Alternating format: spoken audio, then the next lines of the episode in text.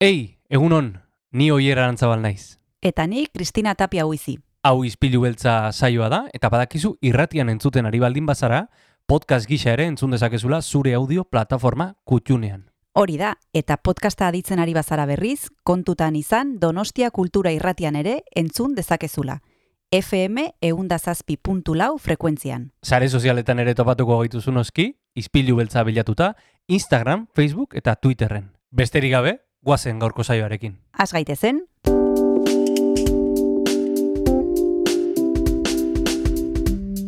Ispilu beltza.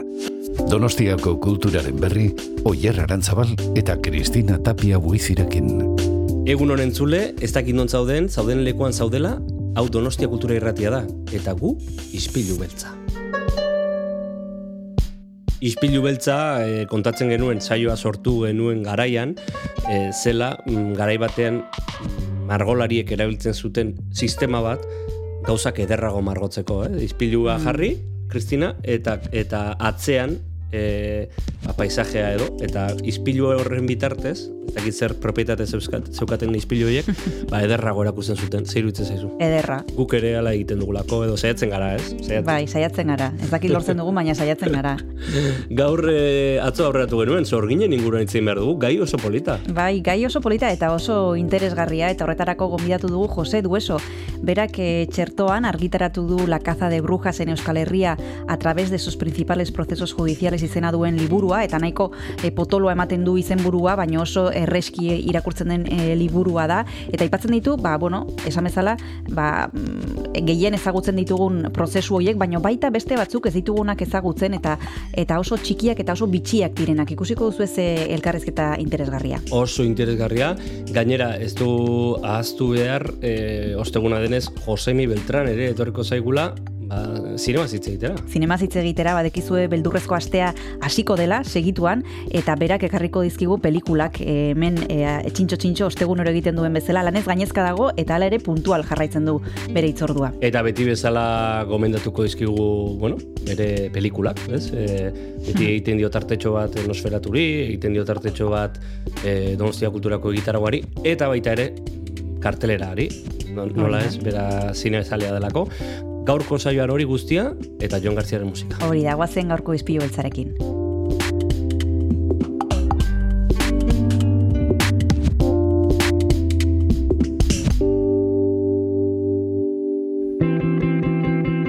Guazen gaurko saioari hasiera ematera Red Hot Chili Peppersen disko berriaren abestietako batekin, hause da Eddie.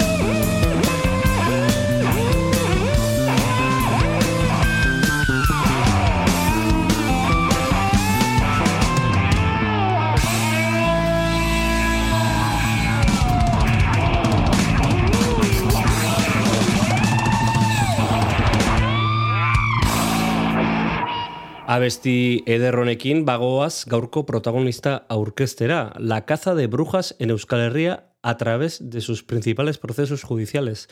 Txerto argitaletxak kaleratutako liburuaren autorea, Kristina. Bai, Jose Dueso da bera, aditua da, asko daki zorginen inguruan, eta esplikatuko digu e, nola sortu zen, e, ba, sorginen inguruko, ba, bueno, e, nola sortu ziren epaiketak, e, zein ziren e, epaiak, eta aipatuko ditu ezagunak diren kasuak, baina baita ez ezagunak, ez ezagunagoak diren beste batzuk, txikiagoak, baina agian bitxiagoak, eta ikusiko dugu ze liburu interesgarria egin duen. Oazen berarekin.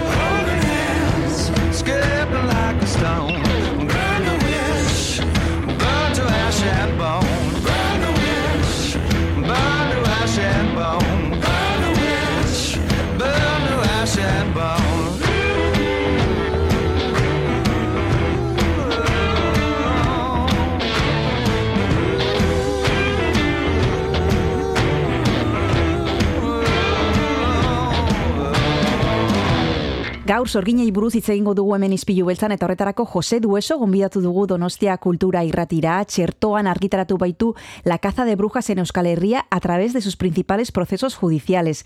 Egunon, José, ¿qué tal estás? Hola, Egunon, bien. Aquí, Bueno. vi- viendo, viendo a ver si aparece alguna bruja en el, en Bueno.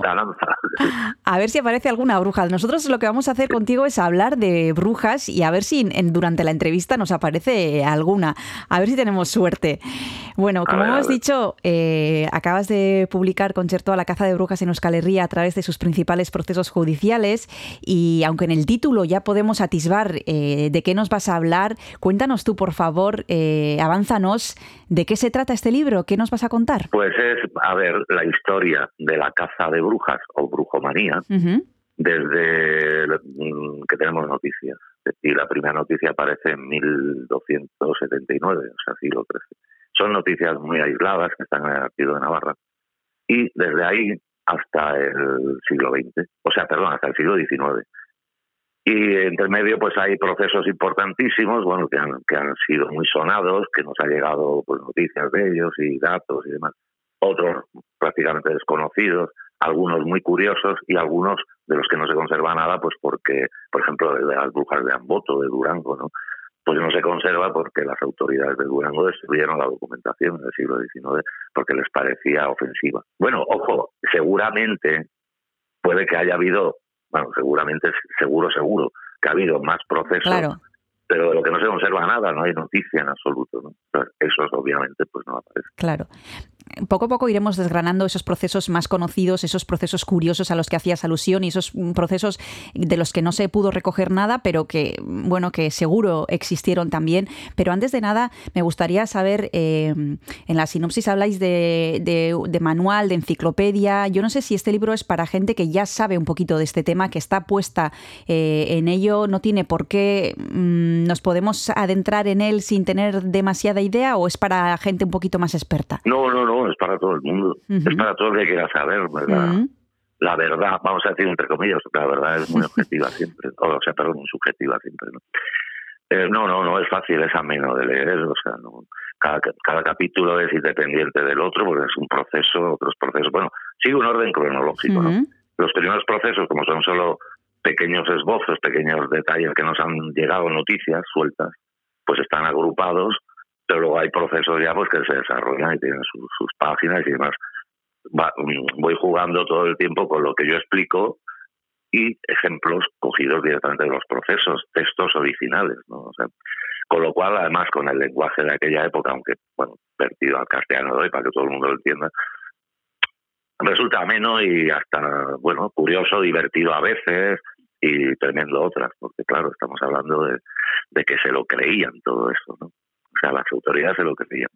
Si empezamos por el principio, José, eh, Sí. bruja es un término que nos, yo creo que lo aprendemos desde bien pequeños todos, eh, pero ¿quiénes eran las brujas? Eh, ¿qué, qué, qué mujeres eran? Porque claro, estamos hablando de mujeres. ¿Quiénes eran estas mujeres? Bueno, mujeres o hombres, ¿eh? Hay también, hay, predomina más la mujer, Claro. obviamente, pues, en torno al 70-75% de las acusadas en los procesos, pero no solo de aquí, sino de toda Europa, de todo Occidente, que eran mujeres. Pero luego el otro 25 o 30 eran hombres, o sea, quiero decir, había de todo, ¿no? Pero eh, empecemos por lo de bruja. Bruja es una expresión que en realidad viene a sustituir lo que antes se decía a estas mujeres, que eran hechiceras, maléficas, magas, mm, toda una retaila de nombres. ¿no? ¿Y bruja? ¿Por qué se impone bruja? ¿Por qué se pone de moda bruja en un momento determinado? Porque bruja era una manera de distinguir el poder de entonces, distinguía que obviamente estaba ligado a la iglesia, estaba ligado a las creencias religiosas, etcétera. Era una manera de distinguir a las personas que, habiendo estado bautizadas, que eran cristianos, cristianas, en un momento determinado supuestamente habían eh, renegado del cristianismo y se habían hecho miembros de una supuesta secta mundial que rendía cult- culto al diablo. Entonces, claro, esa excusa de, rendir cult- culto al diablo era lo que, lo se agarraban los, sobre todo las Inquisiciones, porque no solo hubo una Inquisición, pero bueno, luego hablamos de eso. Y los poderes en general, los poderes civiles, para entenderlo, los, consejos, los eh, municipales, los de los, corregidores, los del reino, eh, depende del sitio, pues, eh, eh, como fuera su administración de justicia, ¿no? Pero civiles, vamos a decir. De hecho, eran mucho, mucho más creyentes, crédulos, eran más papistas que el Papa, mucho más que la Inquisición. De hecho, la Inquisición, en la historia de su devenir, en el tema de la brujería, siempre iba frenando a los otros. Cuando había un juicio en, determinado sitio, que lo había hecho pues el Consejo Real de Navarra o, el Ayuntamiento de tal sitio, solía ir a poner, eh, a, a quitar hierro al asunto, más que echar, ¿eh? aunque bueno, hay excepciones también. Eh, y luego, a lo que voy, bruja era, de, de alguna manera, servía para justificar, o sea, que esas personas fueran acusadas de herejía. Porque claro, si está sirviendo al demonio, pues entonces es hereje. Hay que tener en cuenta que la Inquisición, que es, aunque los poderes civiles eran independientes de la Inquisición y se dedicaban a delitos comunes, por así decir, y la Inquisición entraba en los delitos tocantes a la fe, a las creencias y demás. Bueno, pero sí es cierto que tanto uno, o sea, el poder civil se basaba básicamente en la ideología de la, de la Inquisición. Era el, el poder predominante, representaba el poder de... Y, cu- y cuando hablamos aquí de Inquisición, estamos hablando de Inquisición española, para diferenciarla de la Inquisición que hubo anteriormente en la Edad Media y que, bueno, y, y posteriormente se recuperó, que era la Inquisición papal y que duró nada menos que hasta 1962, no nos olvidemos de eso. Pero, y luego había también una Inquisición que eran de los, de los obispos, pero bueno, era- esta era de otra, de, tenía otro matiz, era, aunque también tenía su, sus mazmorras, verdugos, jueces, etcétera, todo una parafernalia. Entonces, bruja justificaba de alguna manera que se le aplicase pues el- todo el rigor, digamos, de la ley de entonces, porque eran herejes, que habían salido de la ortodoxia cristiana. Y claro, eh, o sea, no solo se habían salido de la ortodoxia cristiana, sino que tenían miedo de bueno, era, era como una especie de bulo gigante, ¿no? de que se, se habían extendido por el mundo entero y era una contrarreligión contra el cristianismo, era un era un, un anticristianismo, no blancos y negros como el- como los dameros, ¿no? O sea, cosa que nunca se pudo demostrar, aunque sale constantemente, ¿no? En los procesos, pero no solo de, de aquí de Euskal Herria, sino los procesos de todo Occidente, de toda Europa y luego incluso muy tardíamente en, en América con las brujas de Salem, que a final del siglo XVII todavía colea hay un proceso con ahorcamientos y todo, y, sí, y son siempre igual. Siempre son los mismos, unos niños acusan a otros y entonces para justificar eso, pues hay, hay que demostrar que había herejía, porque si no hay herejía, pues no tiene sentido. Es como, como hoy día sería, por poner un, un símil, no es lo mismo que te juzguen pues por delitos comunes, Sí. eh, aunque sean muy graves, Sí, o que te apliquen una ley antiterrorista, Claro. por ejemplo. claro. Pues Claro, eso es un poco lo mismo. ¿no? claro. Y bruja equivalía a eso, a que te- ya te, ya te catalogaban de lo peor. O sea, no, no había escapatoria. ¿no? Luego, el juicio podría ser más o menos justo, incluso podían absolverte y tal, pero de entrada te caía pues, todo el rigor. Hmm, hmm. y más. Bueno, ya vemos que la palabra bruja conllevaba ya un peso muy importante. Ahora mismo vamos a seguir hablando de, las brujas y de este libro que nos propone José Dueso, pero nos vamos a tomar antes un descanso y volvemos ahora mismo.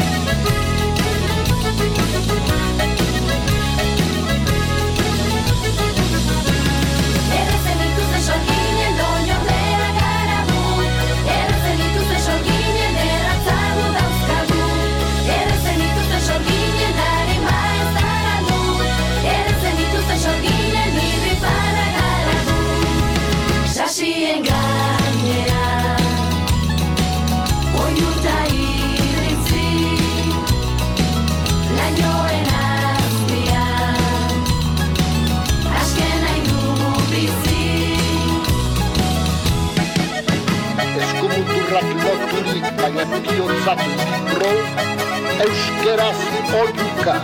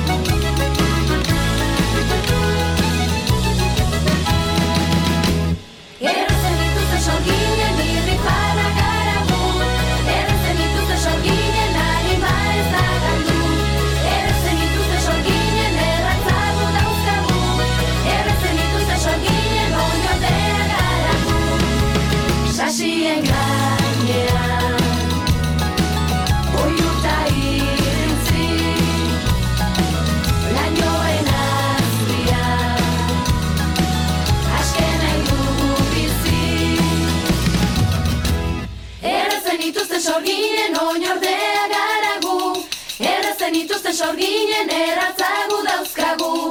Erretzen dituzten sorginen harima ez da galdu Erretzen dituzten sorginen irrifarra garagu.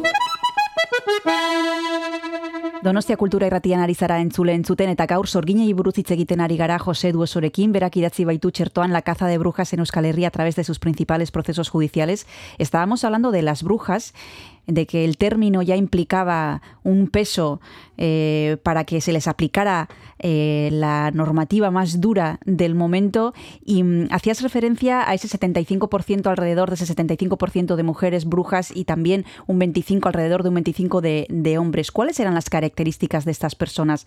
Las personas a las que se les eh, etiquetaba de brujas y brujos, ¿cómo eran? ¿Qué características tenían en común? ¿Las de aquí, las de América, las de Europa? Hombre, a grandes rasgos había, había todo tipo de personas, ¿no? Eh, porque en realidad eh, tenemos que tener en cuenta que los procesos por brujería, en- yo diría que en casi en toda su totalidad, lo de la brujería era una excusa, una excusa para otros asuntos, ¿no? donde pues, primaban las envidias, las rencillas, las venganzas, los odios vecinales, incluso familiares, ¿no? Entonces piensa que todos los procesos se montaban basados en testimonios absolutamente fantásticos, ¿no? indemostrables además. Había, sí que había juicios donde se ve que los propios inquisidores o los propios jueces dicen, no, si es que no hay pruebas, no hay, todo eso parece fantasía, parece locura. Pero es igual, oye, por las cosas que se decían acababan en la hoguera. Eh, bueno, fí- fíjate, es que parece ser que una de las posibles etimologías de, de bruja es que viene del italiano, eh, creo que es bru, bru- bruciere, ¿no? Que Mm. es eh, que arden, Mm. quemados. Mm. O sea, ya, ya implicaba, el término bruja implicaba casi la condena, ¿no? A la que estaba eh, expuesta, ¿no? Entonces, bueno, luego sí, dentro de las mujeres, bueno, y de los hombres también, eh, el predominio común era que sabían pues cosas de, de medicina popular, sabían ayudar al prójimo, eh, cu- curaban personas, curaban animales, favorecían, bueno, eran adivinos, eh, sabían predecir el tiempo, bueno, pues todas estas típicas cosas rurales en una sociedad sin, sin ambulatorios, sin médicos, sin ambulancias, sin móviles y sin carreteras y sin donde la gente se ponía mal y se tenía que curar como pudieran. Pero claro, también había la otra vertiente, ¿no? Esta gente que sí sabía de medicinas, bueno, medicina que casi todo era hierbas y pócimas, bueno, a veces potentísimas, ¿no? Pero bueno, claro, también lo mismo que podía curarte, también podía matarte o enfermarte. Y entonces de ahí, de ahí le acusaban, ¿no? Es que se te curó, sí, pero también sabemos que hizo no sé cuánto. Y luego, claro, la delación se basaban, básicamente todos esos procesos se basan en la delación. Hay gente que, delata a otros simplemente para librarse ellos, o porque los están torturando. Y, y aparte que es que, claro, ¿por qué todos los procesos, me da igual que sean de Euskal Herria o de Francia o de Europa o incluso los de América, ¿por qué todos acaban diciendo lo mismo? Pues porque lo que decían los acusados cuando les estaban torturando, interrogando, presionando, lo que sea, no es lo que decían ellos, es lo que decían los inquisidores o los jueces que les estaban interrogando. Tenían un formulario hecho, solo tenían que responder a esas preguntas. Y entonces tenían que responder como quisieran ellos, pues si querían que fuera afirmativamente, pues a base de presión, pues reconocían lo que fuese. Claro, y dice, joder, ¿y cómo es igual que no se conocían en absoluto? Pues un proceso, el de Zugarramurdi con el proceso de las niñas de Salem, por ejemplo, de las brujas de Salem, que fue pues muchas décadas después. O procesos del Pirineo aragonés con procesos de, de, la Selva Negra. O sea, claro, es que los jueces ya tenían sus, sus manuales y sus formularios hechos y eran comunes en todo, en todo el orden cristiano. Y luego, ¿por qué las mujeres fueron las que más? Sí. No sé si es una pregunta que Sí, me querías esa hacer, es pero la, la siguiente pregunta. Mira, te has adelantado. Te estás haciendo tú Ah, el entrevistado y el entrevistador. bueno, bueno, pues ya. A ver, ¿por qué las mujeres, José? Básicamente, pues porque la Iglesia, y antes de la Iglesia, pues el- eh, la cultura romana, la cultura griega, otras culturas, incluso en América se dio también, eh, se hicieron patriarcales. Aquí se sabe que llegó pues con los con la, con la entrada de los pueblos arios, ¿no? a, pa- a partir de, del Medio Oriente, de, extremo, de la zona de, Mesopotamia, por ahí, bueno, se fueron alternando y se fue, se fue introduciendo una cultura patriarcal en contra de otra cultura matriarcal que era la que predominaba, que era la anterior, donde existían los cultos a la, a la diosa madre, ¿no? los, los dioses pasaron a ser masculinos, patriarcas, y la línea de sucesión pues se convirtió en patrilineal. Y patrilineal quiere decir que todas las herencias tienen que ver con, con tu descendencia, con lo cual se obligaba a la mujer a ser virgen para garantizar que el hijo era tuyo, bueno, todo eso. Luego eso, con la llegada de Pablo de Tarso y la fundación del cristianismo y demás, pues se, se lleva, se extrapola, se va al extremo. La misoginia ya es manifiesta. Entonces, como la mujer es un objeto más de, de los bienes del hombre, un- pues una posesión más y más, obviamente, eh, hasta- bueno, a- prácticamente hasta hoy. Eh, lo que ocurre es que cuando hay una caza de brujas o cualquier otro problema del tipo que sea legal, las primeras víctimas van a ser las mujeres, como, como que no tienen derecho a defenderse, Mm. que no tienen derecho Mm. a nada, ¿no? Mm. que son tienen que acatar lo que dice el hombre. ¿no? Ujú. Entonces, esa es la explicación. No es que en realidad la, la Inquisición fuera por las mujeres. Lo que pasa es que cuando fuera por brujas y brujerías y casos de, de hechi- hechicería, falsos o no, siempre se encontraba con mujeres, con mujeres sabias que sabían curar a los demás, lo que hemos dicho antes, o sea, que eran curanderas, que eran magas, adivinadoras, sanadoras, parteras, que lo mismo te ayudaba a parir que a no parir, claro. Mm, Eso es. Eh, que, que eran, yo qué sé, las ginecólogas de la época, eran también te curaban por los huesos rotos, pues lo típico, o sea, pero también curaba a los animales, también hacía cosas para que las cosechas fueran prósperas, había tenían una sabiduría que les venía de muy antiguo, a través de generaciones, casi siempre de madres, aunque también en muchos casos eran hombres los que la transmitían, de su familia, ¿no? que tiene que ver, que emparenta con lo que decía antes, con el origen de las diosas madres. En el caso de aquí de Euskal Herria todavía hablamos de la diosa Mari. Pues esa diosa Mari entronca con otras diosas que existieron pues, pues en todas partes, ¿no? en todo el mundo, en África también, en, en Asia y sobre todo, bueno, pues en la India, en, en, en el Oriente Medio. Entonces, eh, bueno, que luego además dan, dan pie a las, a las vírgenes de la mitología, a las diosas de la mitología clásica, como la más famosa Cibeles, por ejemplo. Cibeles es, es una diosa que tiene todas las similitudes de, de la diosa Mari, pero que a su vez antes ya había sido una diosa anterior, antes de los griegos y antes de los romanos y todo esto.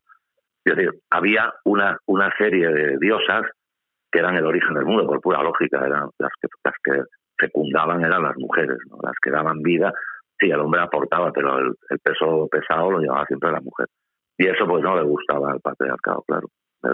Mi- minimizó todo eso, lo, lo- le quitó valor, bueno, la mujer al fin y al cabo pues no era, si en realidad en la edad media y, posterior, la mujer tenía casi el mismo valor que un animal. De hecho, había, había animales que tenían más valor que las mujeres, o sea, quiero decir, porque servían para, pues, para ganar dinero, para trabajar, para lo que fuese. Pero eso es que ya está desde el principio, por ejemplo, en el, cristianismo, en los primeros patriarcas, ya a partir del siglo IV, ya se ve que lo escriben, están siempre denigrando a la mujer, siempre a las mujeres. De hecho, se dicen cosas como que la mujer está creada por Dios precisamente para probar al hombre, para probar la integridad del hombre, o sea, esa es su misión. Porque, bueno, y claro, luego, ¿qué ocurre? En el siglo XV, a finales, hacia final del siglo XV, dos dominicos se les ocurre escribir un libro que se llama el de Martillo de Herejes o Martillo de las Brujas, ¿no? Malleus Maleficarum, que es un librote que son tres partes. Una es teología pura, otra es eh, leyendas de Centro Europa, que la dan como verídicas, de brujas precisamente. Y, y la, y la tercera parte que es un manual, una, una guía para inquisidores, que es lo que tienen que hacer a la hora de perseguir a las brujas y no dejarse engañar. Como de ese libro fue un bestseller, se hicieron no sé cuántas ediciones durante siglos, ¿no? y todos los inquisidores bebían de ahí, pues claro, todas las preguntas que lo hacían a las mujeres, coincidía aquí en Bohemia, en Rusia, en no sé qué, tal, es que eran igual de todas partes, porque ese manual había servido de guía para todos los que, incluso para jueces laicos. Pues, por ejemplo, el proceso de, de las brujas de la Purdi, cuando viene el, el, el ju- el juez este pierde el ancre y hace una escabechina, pues quemó a más de 60 personas. Este hombre no era, no era clérigo, no era la Inquisición, era un parlamentario de Burdeos que manda el rey pues para analizar el caso ese, que también es ficticio, ¿no? es, un, es un rollo del señor de, de Urtubi que, que resulta que se que quiere apoderarse de, de unos puentes de ahí de, de Don Iván Garazzi, oye, perdón, de Don Iván Luchune, que entonces estaban en seguro, aunque ahora es independiente, y que, y que pagaban por pasar. Pasaba mucha gente por allí, claro. Y entonces es una, una guerra que tiene con el ayuntamiento para apoderarse de eso. ¿no? Pero a raíz de eso surge el proceso, se inventa lo de las brujas y todo llega el Pierre de Lancre. Pierre de Lancre era, pues aparte de, de de un cretino, aparte era vasco, por cierto, había cambiado el apellido de su padre, pero era vasco de la Baja Navarra. Se lo odiaba todo lo vasco, el euskera, era- todo era malo, y además criticaba mucho a los de la Purdi, que habían copiado las costumbres supersticiosas españolas por cercanía, ¿no? pues también le pasaba por recibir a todos los españoles. ¿no? Pero este señor, por ejemplo, sin ser inquisidor en el sentido de inquisición como institución, Sí. Él también se basaba en el, en el Maius Maleficarum. Mm. Sus preguntas y todo esto estaban basadas en los cuestionarios que aparecen en ese libro del siglo XV que es infame, por cierto, es un libro, es un tocho de tal, pero bueno, era un bestseller, porque claro, la gente creía en eso. Mm. Ahora creemos en otras cosas y las similitudes, la historia se va repitiendo. Se va repitiendo porque, claro, siempre hablamos de la línea del tiempo, pero la línea del tiempo no es lineal, no es en línea recta. La línea del tiempo es espiral, como todo en la naturaleza, siempre son espirales, espirales. Y entonces se repiten las situaciones. Dices, joder, pues si esta guerra y esta otra, y ahora otra vez si esto ya ha pasado. Claro, varían los personajes, varían las circunstancias, pero al final el fondo siempre es el mismo. Y es porque la historia se mueve en espiral. Y, y, y- no solo se mueve en espiral, sino que los que organizan todas las grandes crisis a lo largo de la historia lo saben. Y se valen de eso también, claro. Pero la gente ni se para a pensar, ¿no? Es lineal. Hoy es lunes, mañana martes, mañana... Sí, no, pero ojo, ojo, que eso hace curva, ¿eh? Y, y va dando la vuelta otra vez y va... es, es interminable. Mm.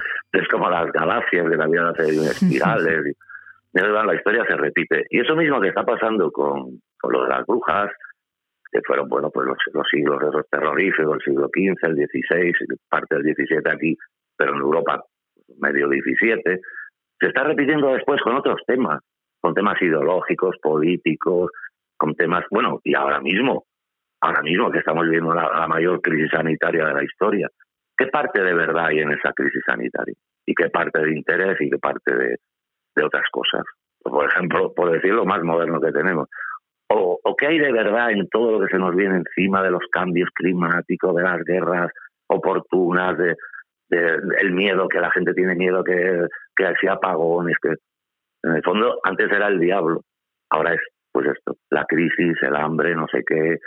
eh, claro, a grosso modo, pues si ya te lo has creído, pues ya estás perdido. Pues igual hay algo de verdad en todo eso, pero habrá que analizarlo, ¿no? Habrá que... Pues aquí pasaba lo mismo, no se analizaba nada.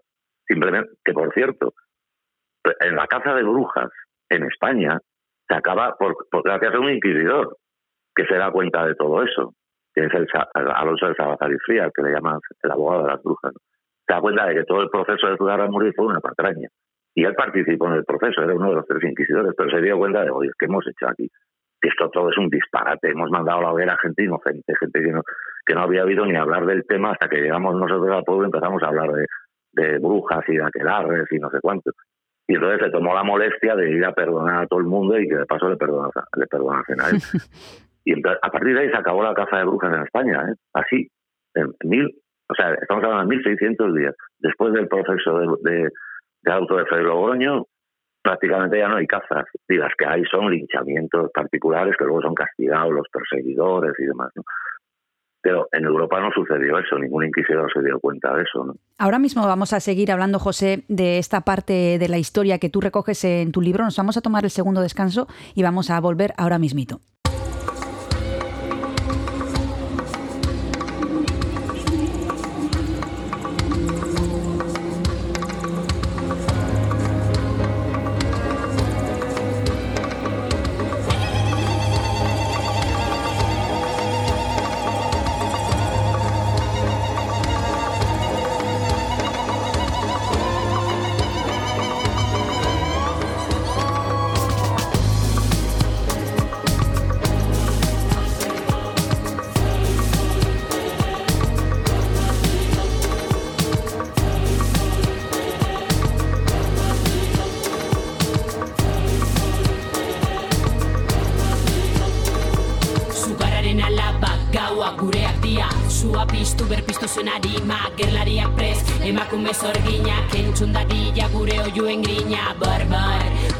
si que ni atordoar pure korputzko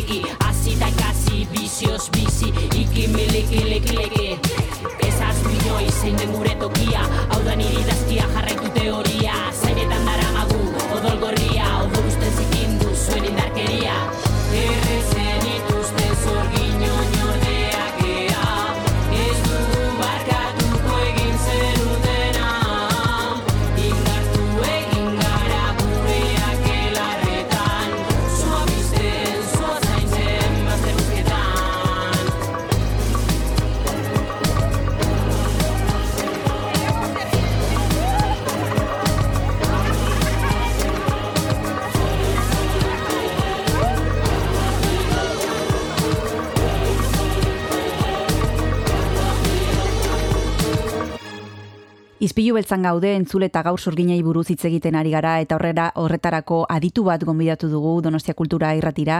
Jose Duesu dugu telefonoaren beste aldean, la craza de brujas en Euskal Herria a través de sus principales procesos judiciales da berak txertoan argitaratu berri duen eh, liburua. José, estábamos hablando de unos procesos que tú al principio citabas, algunos de ellos eh, muy conocidos, ¿no? que a todos nos suenan, Salem, Zugarramurdi, pero hay otros que de los que también hablas en tu libro que, que se nos eh, han escapado a nosotros, que no tenemos eh, demasiada idea, no tanta como tú, desde luego, eh, pero que tú recoges, ¿no? Como el gato que hablaba Vascuence de Oricain o las Tres Marías de Piedra Millera. ¿Cómo has llegado hasta, hasta ellos? Hombre, se conserva material desde hace tiempo de todo esto. Lo que pasa es que son, son procesos menores, pero muy curiosos y que casi nunca acaban cuentamente. O sea, en estos casos no hay penas de muerte ni nada de eso. pues eran interesantes de entender un poco para, o sea, de, incluirlos pues, para entender un poco cómo era el mundo en aquella época, el mundo rural de aquí, o sea, como qué mentalidad, porque tampoco era muy diferente los campesinos navarros que los campesinos vizcaínos o guipuzcoanos, era lo mismo, ¿no? O sea, o, o de la Purdi o de Suberoa. En el fondo los problemas eran los mismos y la mentalidad era la misma. Entonces, bueno, pues se los he ido recogiendo. Algunos son muy esquemáticos porque no se sabe el final, no se conserva las sentencias, aunque se sabe que fueron absolutorias. En otras eh, no se conserva nada, solo hay tradición oral. Por ejemplo, uno de los procesos más curiosos que sale ahí, que a la vez es un, un personaje curioso, es el famoso Juanis de Bargota. ¿no? Juanis de Bargota, de él se ha escrito, yo qué sé, miles de páginas en libros, en estudios y demás. Sí, el famoso cura de Bargota, que estudió en Salamanca artes mágicas en la cueva de Salamanca y entonces se hizo brujo y, volaba a los aquelarres de Burgos, de ahí de la zona de Viana, de, de la charca de, de- al lado de Logroño, ¿no? Bueno, a los montes de Oca, engañaba a sus, sus feligreses, hacía, en realidad era un prestidigitador, tiene anécdotas miles, ¿no? Pero sin embargo, históricamente, bueno, y se habla de que fue condenado por la Inquisición en el proceso de las brujas de Zugarramurdi, 1610. Pero luego miras el, y, bueno, pero, y junto a él, una compinche de él que era eh, una, bruja de Viana, una ciega, una que le llamaban, ahora me acuerdo cómo se llamaba, el Dregoto, sí, pero la brujita ciega de Viana. A esta sí la quemaron. Según dicen, pues en todos los sitios donde vas a leer. Sin embargo, miras en el proceso de la Inquisición de Zugarramurdi, que se conserva todos los condenados, qué penas tuvieron, los reconciliados, etcétera, que hay mucha documentación, y no aparecen ninguno de los dos para nada. Sin embargo, hay autores que lo dan, bueno, ci- citando a otros y tal, pues resulta que lo dan por supuesto, pero no, no existe. Ese hombre no estuvo en el, en el, en el proceso de 1610. Y luego otros estudiosos, incluso gente de su época. O sea, está hablando de que ese señor pudo ser de un siglo antes, es decir, del siglo XV. ¿no? Pero incluso hay otros autores más modernos que dicen que es que no ha existido nunca, que es un personaje ficticio que ha reunido cosas de otros personajes y que en realidad no era ni Navarro, fue párroco de, de, de Bargota, pero él era de Rincón de Soto, de La Rioja. Sí, quiero decir, pues, pues también lo recojo porque hay cosas curiosas. Piensa que la versión más curiosa de, de por qué le condenaron, sobre todo a ella, a la, a la bruja de Viana, le condenaron a muerte y la quemaron, teóricamente, es porque quiso rejuve- re- rejuvenecer, rejuvenecer a un anciano que era un noble de Viana. Y entonces le convenció que nada, que, le dio una manzana para que se durmiese y dijo que, que lo iba a hacer pedacitos y lo iba a recomponer como joven. Y él, y él se dejó. Claro, ahí por más que hicieron las potinges y salmos y el, el- el- el conde aquel no, no resucitó, ¿no? Entonces, bueno, al final, más que por herejía, fue por, por asesinato. Pero claro, que también sigue siendo una leyenda, existió un Claro, realmente. Bueno, y luego otros procesos muy curiosos que aparecen en el libro son los últimos. Mm. Ya a partir del siglo XVIII, ya la tendencia, bueno, y antes también, pero en el XVIII ya hay procesos muy sonaditos, y, eh, bueno, que, que, que- que quedan bien claro reflejados. Ya la Inquisición no caza brujas, caza a cazadores de brujas. Va contra los que acusan a, los demás de, de, de bruja, de insultan, ya la llamado brujas, orguiña, hechicera, herbol- herbolera, ponzoñera. Todo eso estaba castigado, esos insultos. Ya es al revés, ya no es, esa es bruja y van a por ella, no. Esa es bruja, pues si dices eso van a por ti. Tienes que demostrar que es verdad. Y claro, de esos procesos en el libro llegan, si no recuerdo mal, hasta 1824, creo. Yo recuerdo así de memoria estoy. Pero hay procesos, bueno, procesos no, información infinita en cantidad de archivos.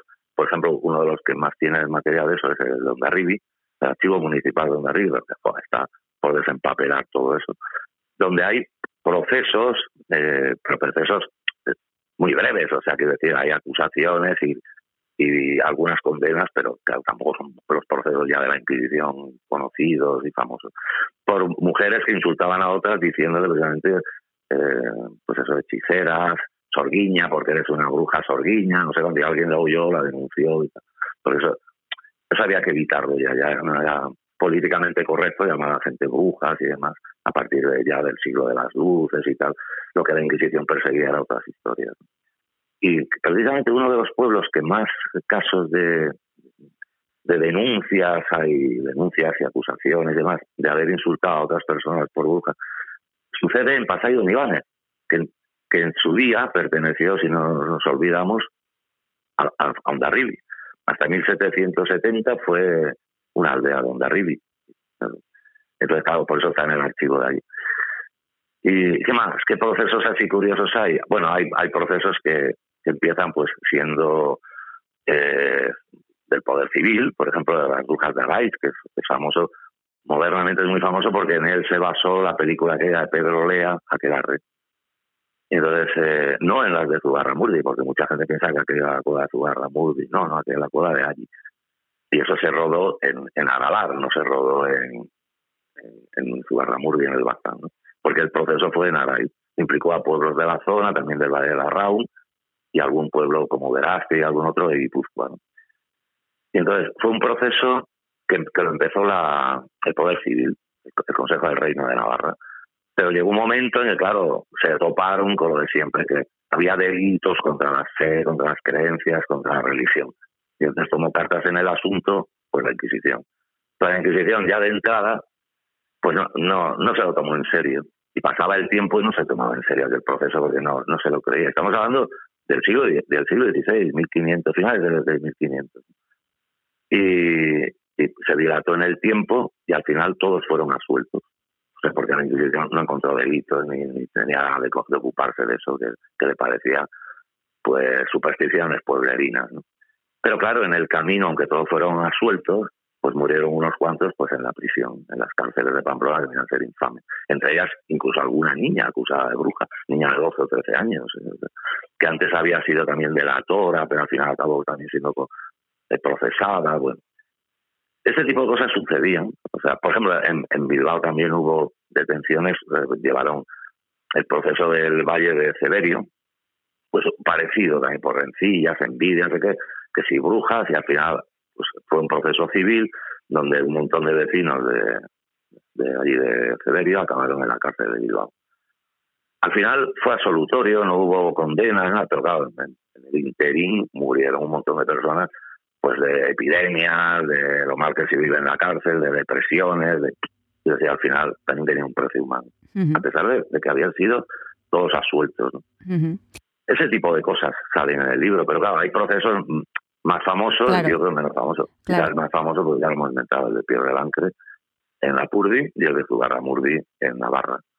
Que el primero ya hemos dicho que fue un proceso civil, que lo, que lo organiza el, el loco este, el Pierre Lancre, que era del Parlamento de Burdeos, pero el otro, que coincide en el tiempo, y además hay relación en algunos momentos entre un proceso y otro, el de Zugarramurdi, que se inicia en Urbaz, en el pueblito que está al lado de, de Zugarramurdi, donde estaba el monasterio, al cual pertenecían los pueblos, ¿no? Entonces eran como esclavos del monasterio.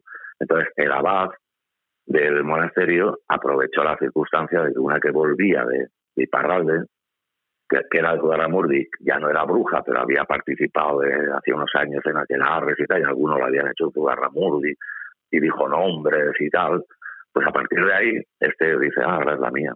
Y se venga trayendo a la Inquisición de aquellos de Zugarramurdi que consiguieron independizar el pueblo pocos años antes, separarse del monasterio a nivel administrativo y convertirse en, concejo, en municipio. ¿no? Mientras que es muy relativo, porque en realidad sí, ya eran, eh, eran libres eh, teóricamente, pero seguían trabajando para el monasterio y demás. ¿no?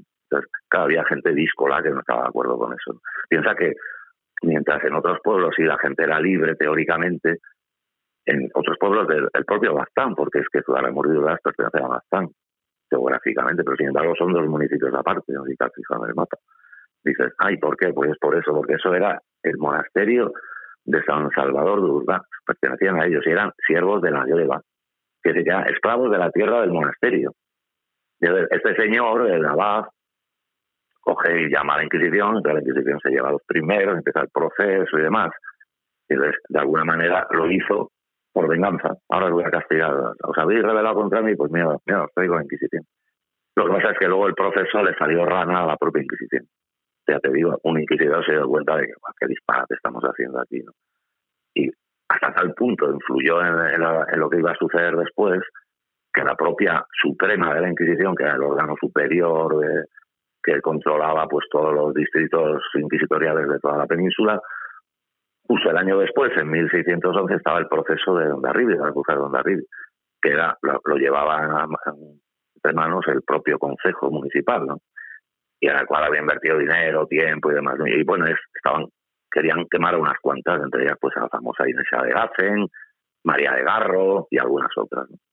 El caso es que cuando ya estaba todo preparado para encender las hogueras, digamos, o así casi, llega la carta del, de, la, de la Inquisición, porque ellos ya primero le pidieron consejo, porque después de lo que había sucedido, a ver si metían la pata, ¿no?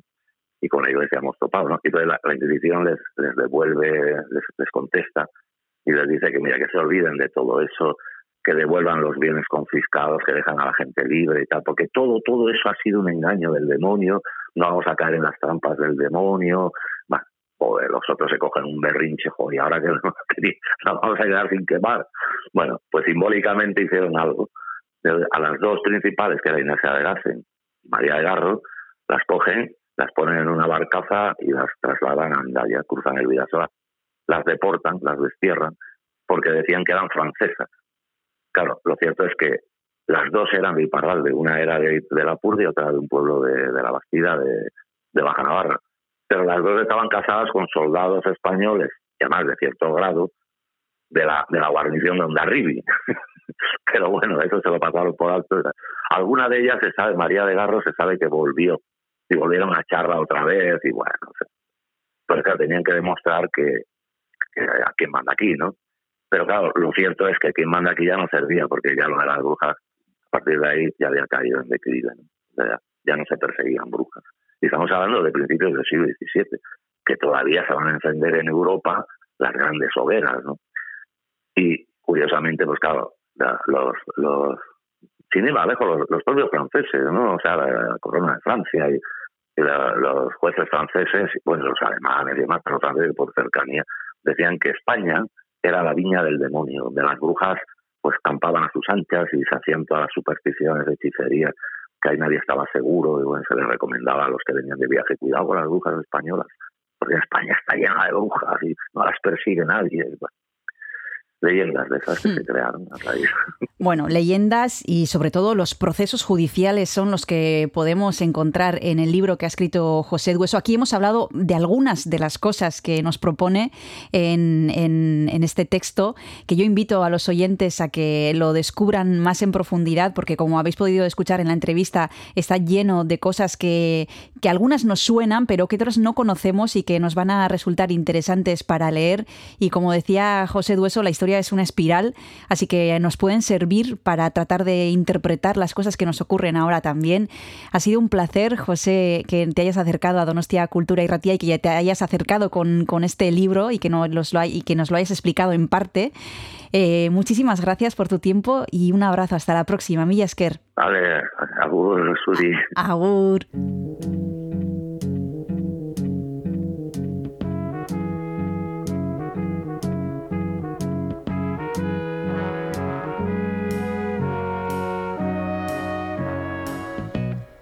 Where it began.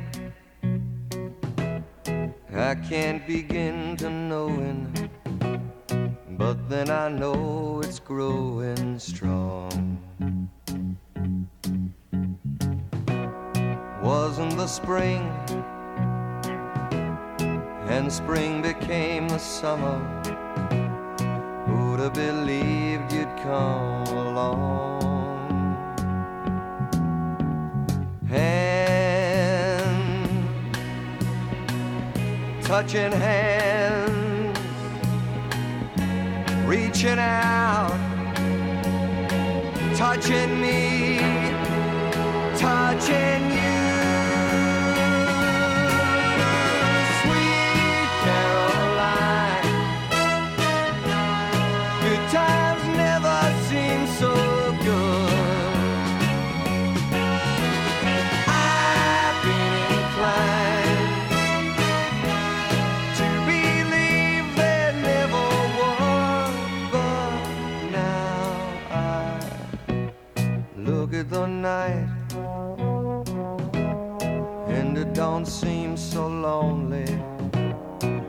Fill it up with only two.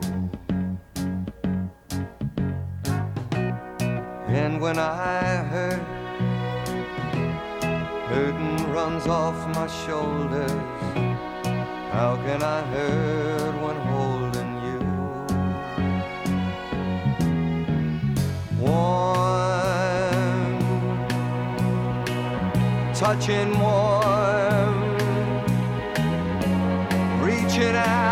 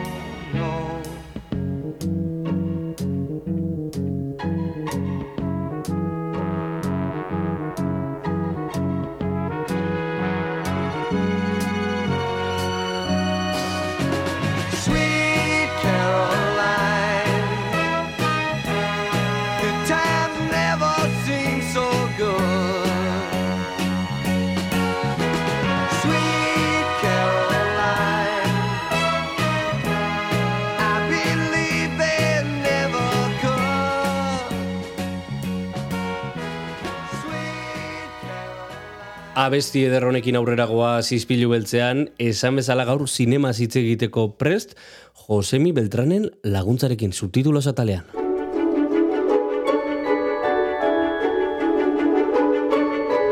Azpitituloak, subtitulos, Josemi Beltranekin.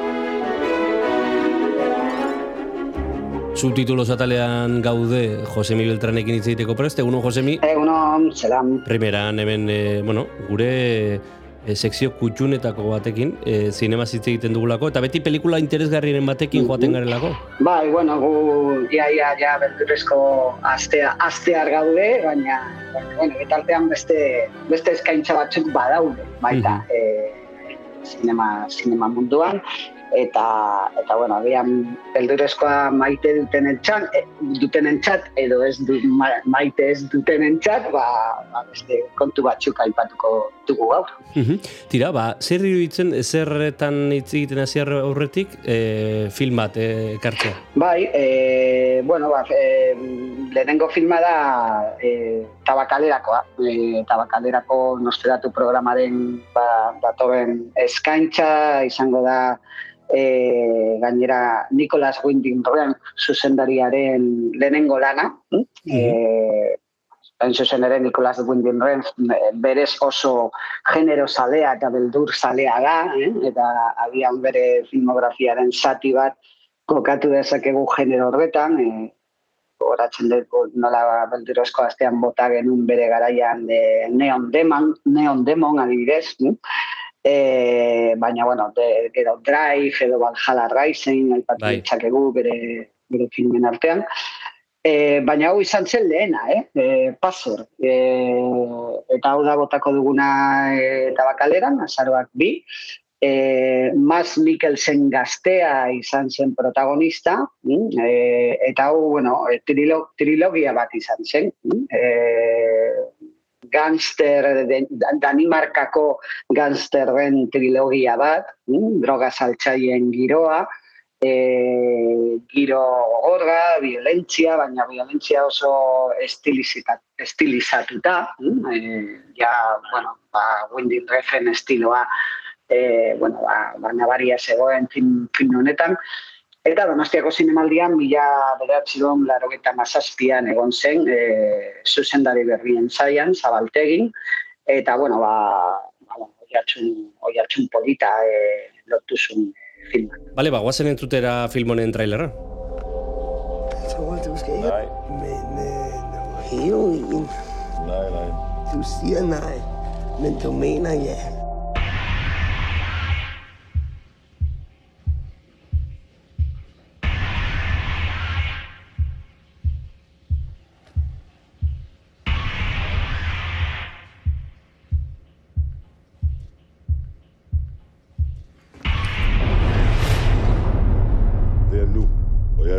jeg bliver stoffri, ja. Det er nu, det holder.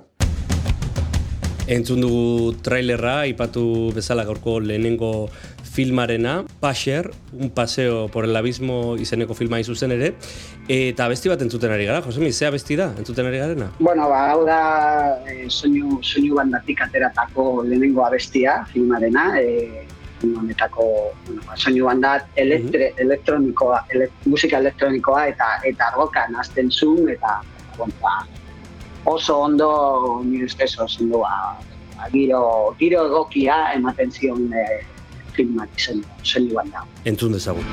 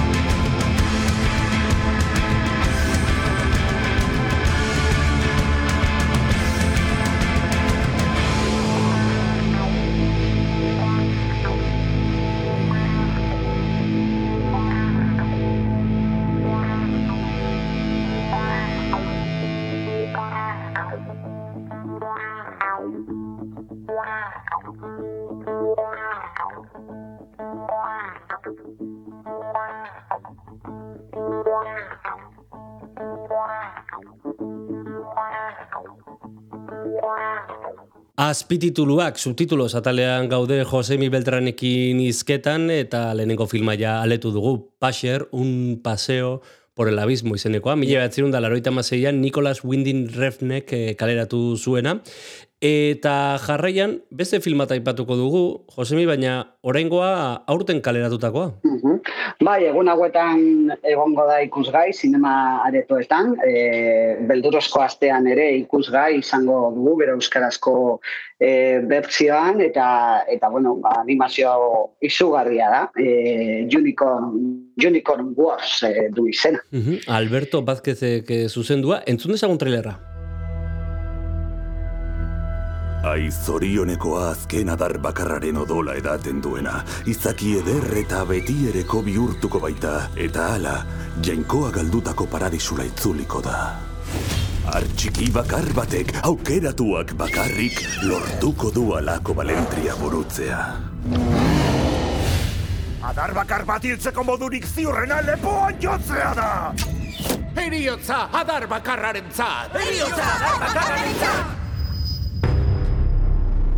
Aspaldian ikusi dudan konpainiari kaskarrena dira. Oi, ablai eginda dago.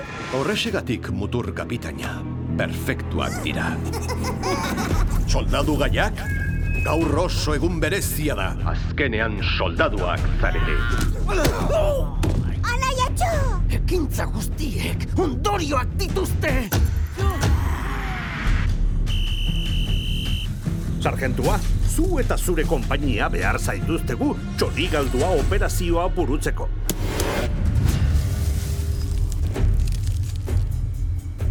Begira, ontz bakartiaren konpainia hemendik igar da. Senda, senda, miriku, Sargentu, desagertu egin dira. Anaia! Adar bakarra ene umeak, piztiak ez du errukirik. Ez, urbiltzen ari dira! Oi jauna, babes gaitzazu zure altzoan. Gu ere basoa gara. Eta basoarekin hilko gara. Heriotza adar bakarraren Granadak! Eraso!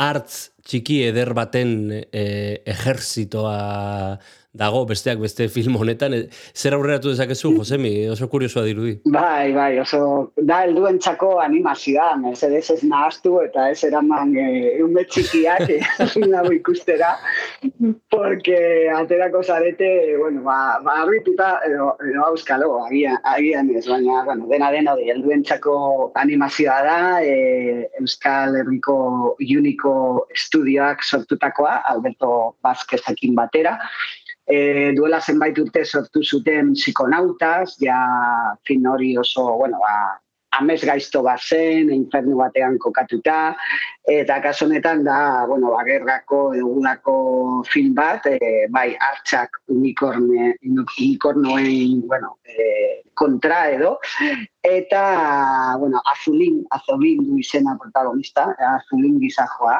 Azulin, e, bueno, ba, soldaduzkan dago, eta bere, bere traumak baditu, baditu, eta training, training batean dago, ba, ba, bueno, ba, bere etxain kontra e, borrokatzeko, e, filmak baditu e, ba, fantasiazko osagaiak, jakina, e, eta bestaldetik ba, ba, gerga edo genero belikoarekin ba, argemana ere badu, diri, bueno, ba, zenbait e, mementoetan e, gogoratu gogoratzen zitzaidan e, latxak eta metalika filma, adibidez, Stanley Kubrickek zuzendutakoa, e, batez ere, ba, bueno, e, hartzen bizitzan, kanpamentuan, e, ba, bueno, zenolako harremanak eta arazoak dituzten haien artean, eta gero bestaldetik dauka ba, gore, gore osagaia eta gore kutsu izugarria, eh? batez ere ba, azkenengo filmaren azkenengo zatia oso ikusgarria da, benetan, bueno, ba, sortzaile hauek egiten ari direna, benetan, benetan, uste dute Europako animazioaren historian ger- geratuko dela, e, lan hauek geratuko dira, bai psikonautas, bai korgoz, edo, edo sortu ditu- dituzten zenbait eh, film labur, nazioarteko zinemaldi guztietan egon dira. Eta, bueno, ba, benetan merezi da, hau bezalako, hau bezalako, ba, bueno, hau, aukerak aprobetsatu, aprobetsatu behar. Tira, horra gomendioa, benetan, e, bueno, e, apetitoa pizten duen proposamena da hau ere, eta, eta gainera bertakoa, ez? E, bueno, arrotasun puntu hori ere uki dezakegu, ezta? E, anezin egon zen, zitxesen egon zen, suposatzen dut han ikusi, han ikusiko zenuela, ezta? Bai, ni, bueno, ni egia esan kaneseko merkatuan ikusi nun, Aha. e, bere garaian, bueno, ba, pase, pase privatu batean, bai. E, eta, bueno, ja, argi, argi geneukan beldurozkoan botatzeko, gure antzoki zarrean botatzeko egokia zela. Gainera aurreko, aurreko lanak egon ziren, aurreko film laburak egon ziren baita ere leian, gure e, film laburen ataletan. E, eta, bueno, bai, bai, nazioarte mailan bai, bide polita izango du pena, zeren normalean askotan, bueno, balduentzako animazioa zinemaritoetan ez dauka hainbeste arrakastarik, baina, baina, bueno, nik uste dut ere den, denborarekin atxikimendu hori edo izango izango dira. Tira, ba, horra, esan bezala gure bigarren gomendioa, ostegunero, ostegunero daukazu zinemarekin tarte, tarte bat entzule hemen e, subtitulos atalean, Josemi Beltranekin batera, eta urrengo osteguneanen ere alaxe izango da. Mm, Agurtuko zaitugu Josemi, baina aurretik bigarren abesti bat eskatuko dizugu. Ba, la txaketa metalikako abesti bat aukeratu dut, e, kasu honetan e, Su- Surfing Bird e, de Trasmen e, taldekoa. Oso ondo, ba, abesti honekin agurtuko gara, beti bezala eskerrik asko Josemi, eta urrengo ostegunera arte. Horren goztegun arte, aio. Agur, agur. Agur. Oh, well, everybody's heard about the bird. Bird, bird, bird. The bird's a winner,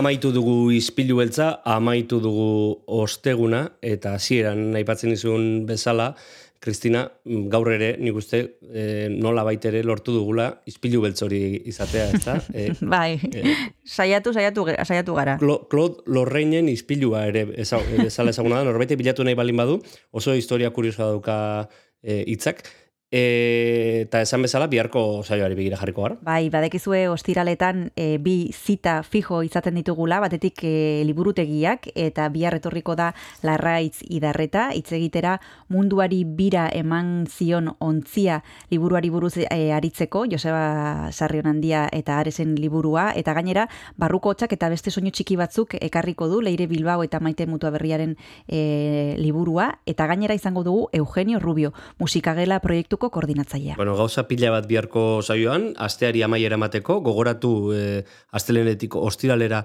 Donostia Kultura Irratian FM eunda zazpi puntu lau frekuentzian sintonizatu dezakezula gurekin, goizeko sortziretan, eta bi aldiz errepikatuta, eguerdian eta gauean. Eta nahiago alima duzu, ba, Kristina, e, audio plataformetan. Hori da, badekizue audio plataforma guztietan entzun dezakezuela ispilu beltza, eta bu bihar itzuliko gara. Bihar arte. Aio.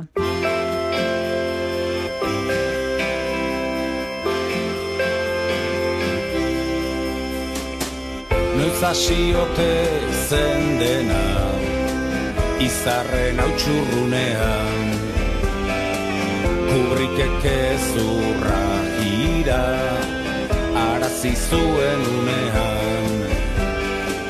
Bilintxen negar ampulu Soil batekin urumean. Behin izan nintzen umean New Yorken zero gunean.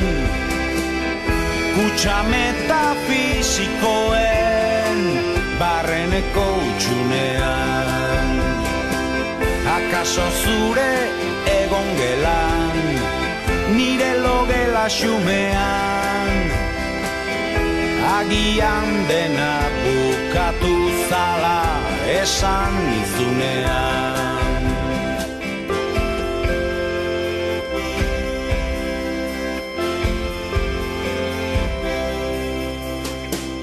Leze ferta, leze pase Ba alda libre izaterik Grinen liberalismoaz Zer diozu Adam Smith Ekonomiak akaso Biotzak ez du legerik Ez mil urte batek ez bik beratu jenderik Ez dago zu betikorik Ez dago ies beterik. Kuadro beltz bat zurian Utzita joan zen malebik. Zergatik ez dago dutxan Zuk utzitako hilerik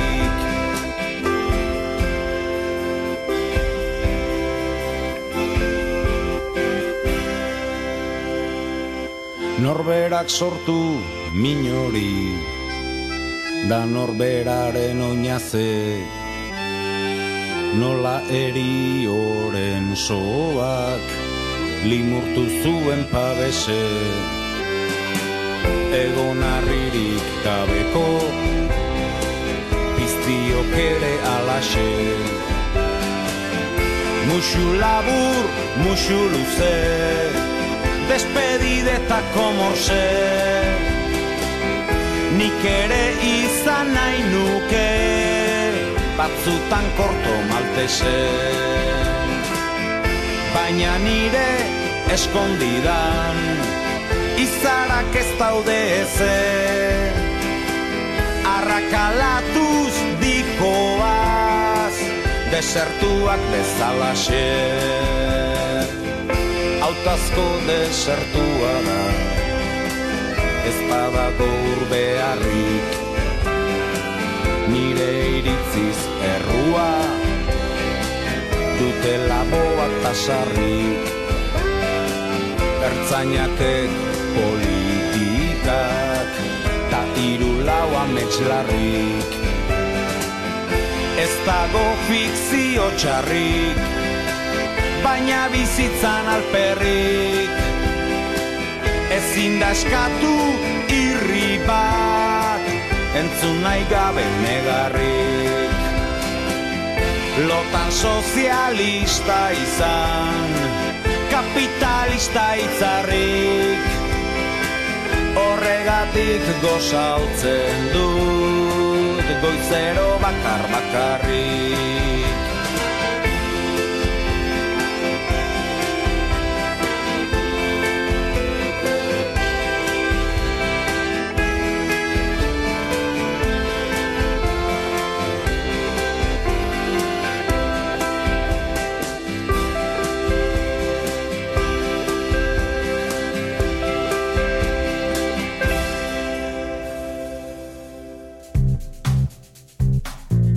Kanta katilua Jon Gartziaren eskutik. Kaixo entzule, ongi etorri gaurko kantakatillura, ispilu beltzari amaira emango diogu musikaren bidez, hemen Donostia Kultura irratian, eta disko eta lan berezi bat ezagutuko dugu, Crack Cloud e, talde eta kolektibo kanadiarraren Tough Baby izeneko diskoa entzungo dugu. E, disko berezia esan dugu, izan ere Zak Koi, e, kolektibo honetako abeslari eta bateria joleak e, idatzi zuenez, e, disko hau bere aitari bere aitaren omenez egina da. E, leuzemiarekin hil berak bederatzi urte zituenean. Eta esaten zuen moduan ba, disko hau ateratzen denean bera, bere aitaren adinera iritsiko zen. Eta bere aita ere artista zen poeta eta bar eta hil baino lehenago ba, e, familiari utzi zion e, poema, e, abesti, transkripzio, audio eta bestelako batzuk, diskoan ere agertuko direnak, eta alaxe hasten da hain zuzen ere, Danish Message izeneko e, pistarekin bertan entzungo dugu, musikari honen aita, hain zuzen ere, Dani Koi. write many songs. There's a wall full of instruments over there, and I want you guys to learn, learn to play them and write songs. And I have a bunch of songs in here too. Maybe one day you guys can, uh, you guys can play my songs. You know, take my songs and play them in your arrangements. Do a little uh, different arrangements. Maybe you use my poetry for some of your songs. But uh, I hope you guys, I hope you guys can learn lots from what I'm trying to tell you.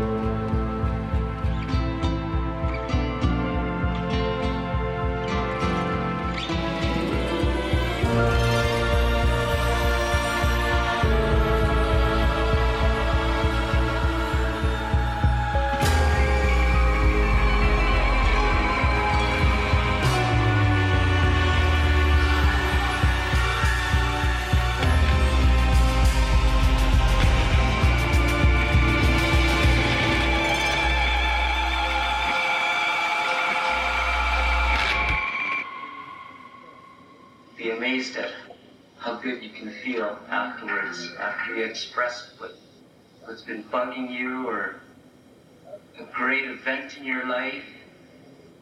Anger, excellent way to let your anger out. Put it all on paper. A check with a smile to the stroke of a dial.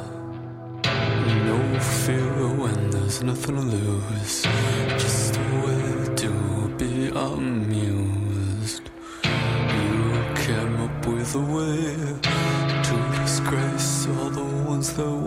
Play your game.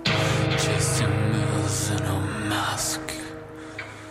Shelved reflections at the bottom of your sheltered past. And it's all none, cause it's you or everyone.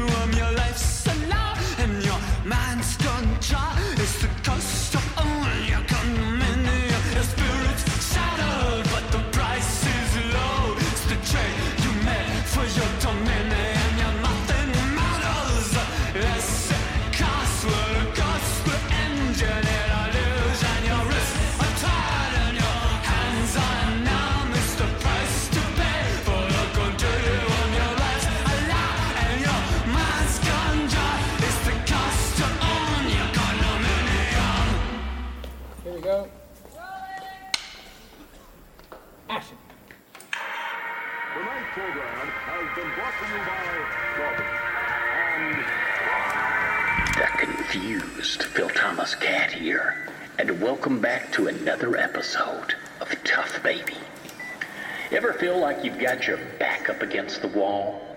We've all been there. And at some point, we've just got to break free. Let's kick it off with a tune.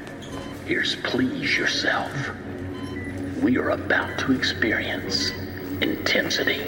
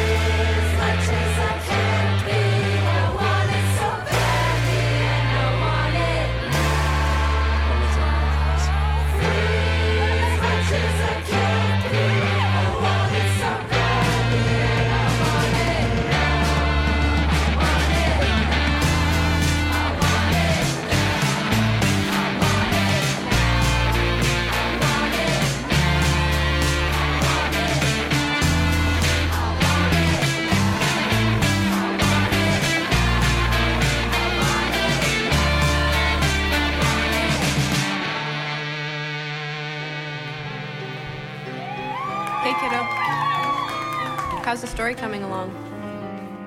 Alright, I guess.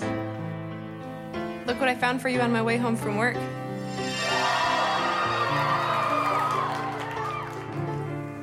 I thought it might cheer you up after what happened at school.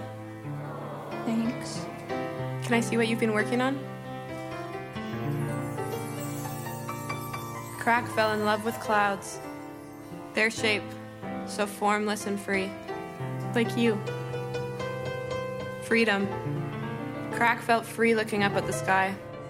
Freedom from the past and freedom from the future. The clouds taught Crack how to live for the moment. Be one with cloud, Crack said. Be Crack Cloud. And so it was. Crack started making clouds from scratch.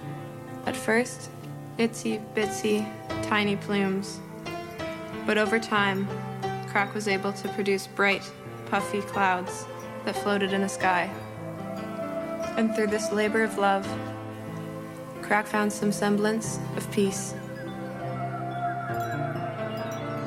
But the gatekeepers of the sky had a different view from above. With their pitchforks, they pried and punctured Crack's clouds, so that just as they rose, they came tumbling down. Your clouds are tainted, said the gatekeepers. The sky is reserved for only the pure. But I love making clouds, Crack expressed. They help me come to terms with my impurity. Their formlessness represents my own growth. I may not be pure, but I want to be.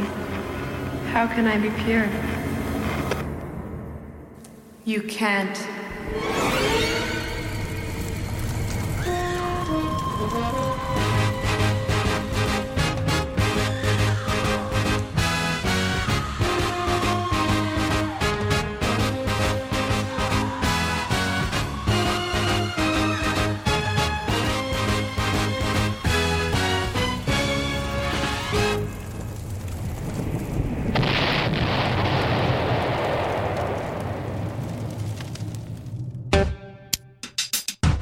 Donostia kultura irratia zurea ere bada. Zatoz eta parte hartu. irratia.donostiakultura.eus Donostialdeko kulturaren irratia, sarean eta nahi erara.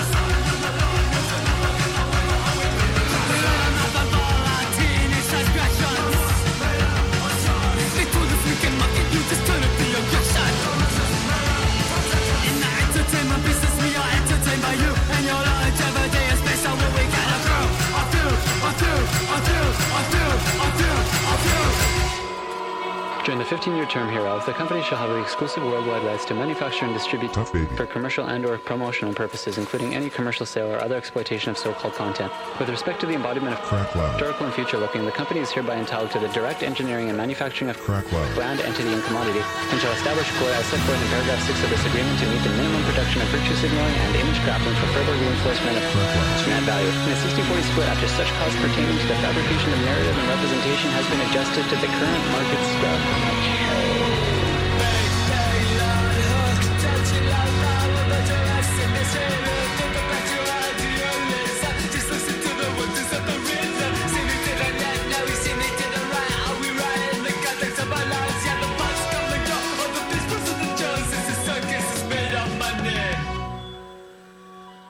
Kanadako Crack Cloud e, musika eta multimedia kolektiboaren e, disko berria ezagutzen ari gara gaurkoan Donostia Kultura Erratian, eunda zazpi lau frekuentzian, esan bezala, Zak Koi da e, talde eta bueno, kolektibo hau sortu zuena, eta bere aitaren omenezko diskoa da Tough Baby izeneko azken lan hau, e, leuzemiarekin hil zen eta hil baino lehenago esan bezala e, familiari hainbat poema eta abesti utzi zizkien eta diskonetan ba hori e, islatzen da. Eta entzungo dugun hau da diskoari izena ematen dion hain zuzen ere. Hau da Tough Baby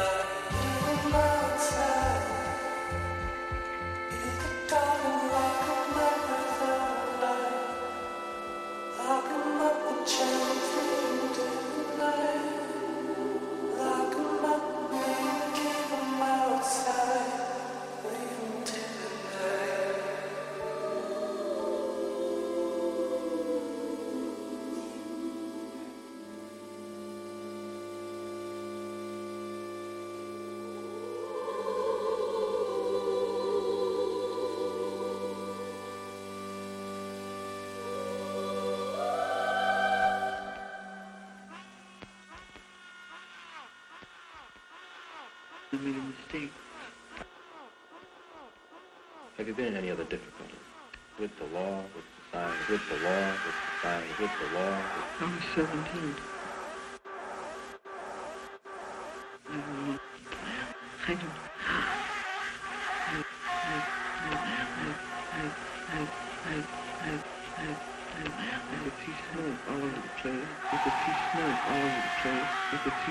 all over the place. I could see smoke all over the place. I could see smoke all over the place. I could see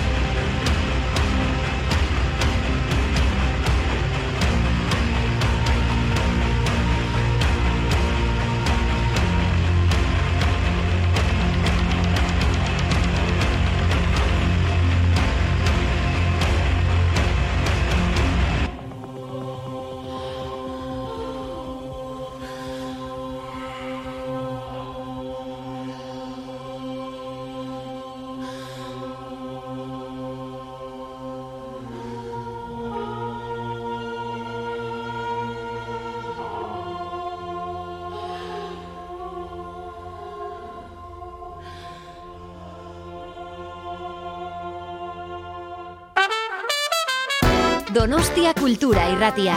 Eun eta zazpi puntu lau.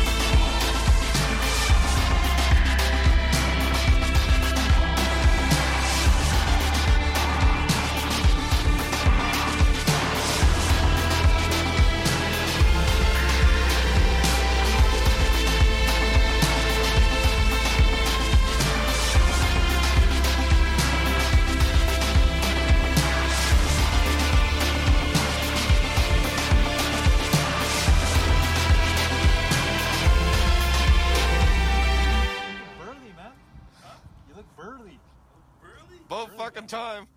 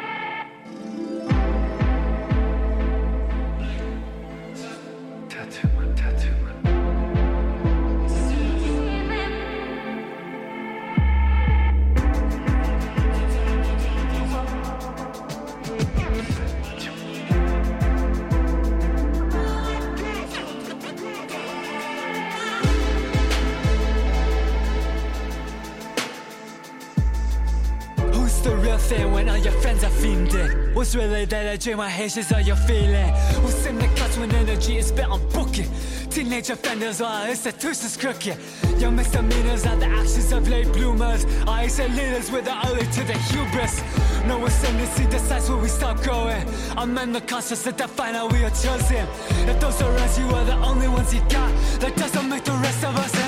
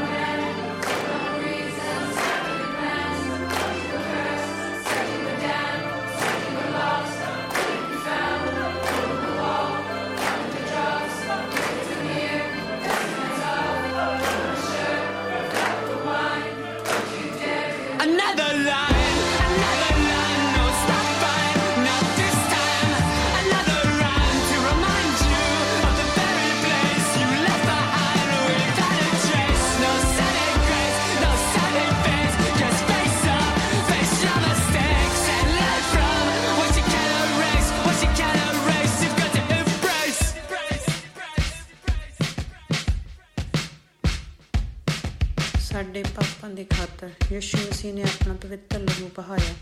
ਉਹਨਾਂ ਦੇ ਪਵਿੱਤਰ ਲਹੂ ਬਹਾਉਣ ਦੇ ਨਾਲ ਸਾਡੇ ਪਾਪਾਂ ਦੀ ਮਾਫੀ ਮਿਲਦੀ ਹੈ। ਯਿਸੂ ਮਸੀਹ ਦੇ ਵਿੱਚ ਸਾਨੂੰ ਨਵੀਂ ਆਤਮਿਕ ਜ਼ਿੰਦਗੀ ਮਿਲਦੀ ਹੈ। ਉਸਨੇ ਸਾਡੇ ਪਾਪ ਇੰਨੇ ਦੂਰ ਕਰ ਦਿੱਤੇ ਹਨ ਜਿੰਨੇ ਪੂਰਬ ਤੋਂ ਪੱਛਮ ਦੂਰ ਹੈ। ਉਹ ਕਦੇ ਯਾਦ ਨਹੀਂ ਕਰਦਾ।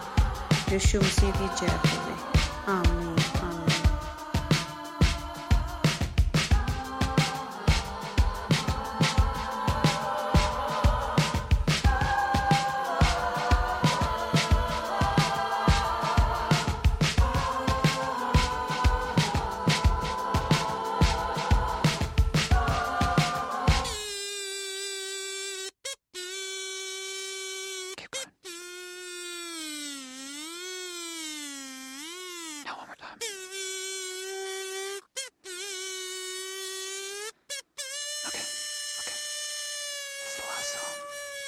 Amaitu da gaurko zizpilu beltza eta entzun dugu Crack Clouden proposamen berezi eta unkigarri hau, e, Tough Baby izenekoa, e, proiektuko sortzailearen aitari omenez e, eginiko diskoa hain zuzen ere, eta tira, beste hainbat e, gai ere tratatzen ditu, e, adikzioak eta ba, tira, e, osasun mentala eta bar. Eta horixe ezagutu dugu gaurkoan Donostia Kultura Erratean, izpilu beltzarian maira emateko hemen kantakatiluan azken abesti batekin utziko zaituztet eta bihar e, musika gehiago ekarriko dizuegu, proposamen gehiago, beraz bihar arte.